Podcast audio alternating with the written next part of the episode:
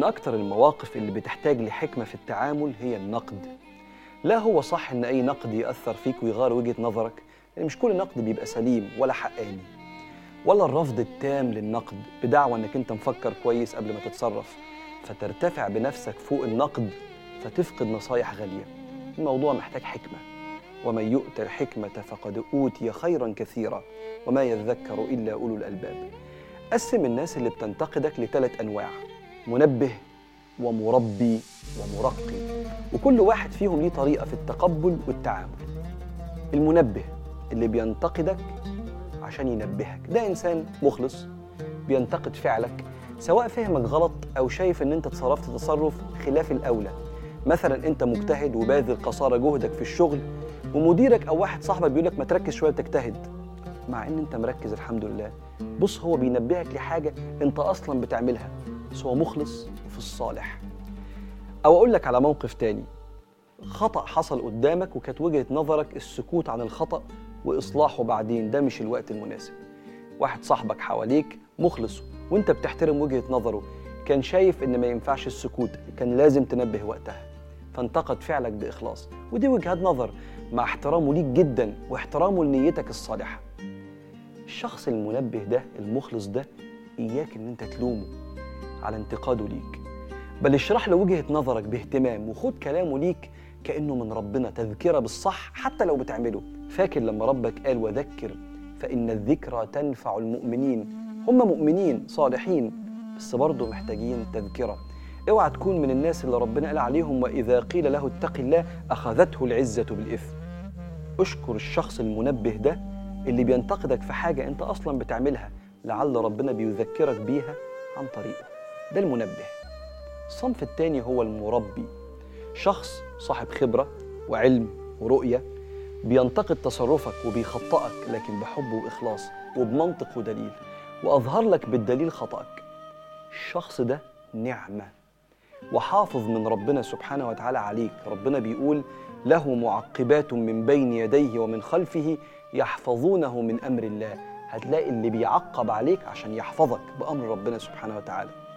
الشخص ده تشكره بصدق وتاخد كلامه محمل التدبر بنية التغير وتطلب منه النصيحة الدائمة لأن هذا الإنسان ناصح أمين. وبالمناسبة في اللغة العربية كلمة نصيحة تحمل معنى النقد الخالص من الغل والغيرة. يقول لك نصحت العسل يعني نقيته من الشوائب. فده نصيحته مخلصة ليك. فاكر لما سيدنا سلمان الفارسي شاف أبو الدرداء سايب حق بيته وحق مراته بل وحق نفسه عشان يعبد ربنا كتير قال له إن لنفسك عليك حقا ولأهلك عليك حقا ولربك عليك حقا. فلما راحوا لسيدنا محمد عليه الصلاة والسلام كأنه قال لسيدنا أبو الدرداء اسمع انتقاد الخبرة واحترمه. قال صدق سلمان. يبقى المربي اللي بينتقد فعلك باحترام لكن بمنطق تشكره جدا ده حارس من الله عليك.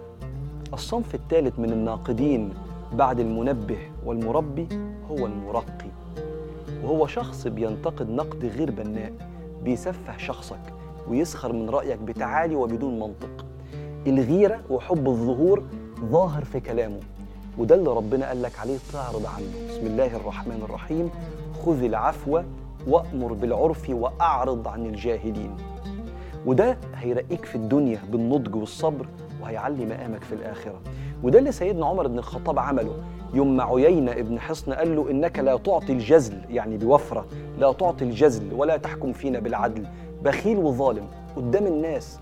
وسيدنا عمر هو أبو الكرم وأبو العدل. وبيقول له الكلام ده بدون منطق. فغضب سيدنا عمر. فأحد الجلوس ذكره قال يا عمر خذ العفو وأمر بالعرف وأعرض عن الجاهلين.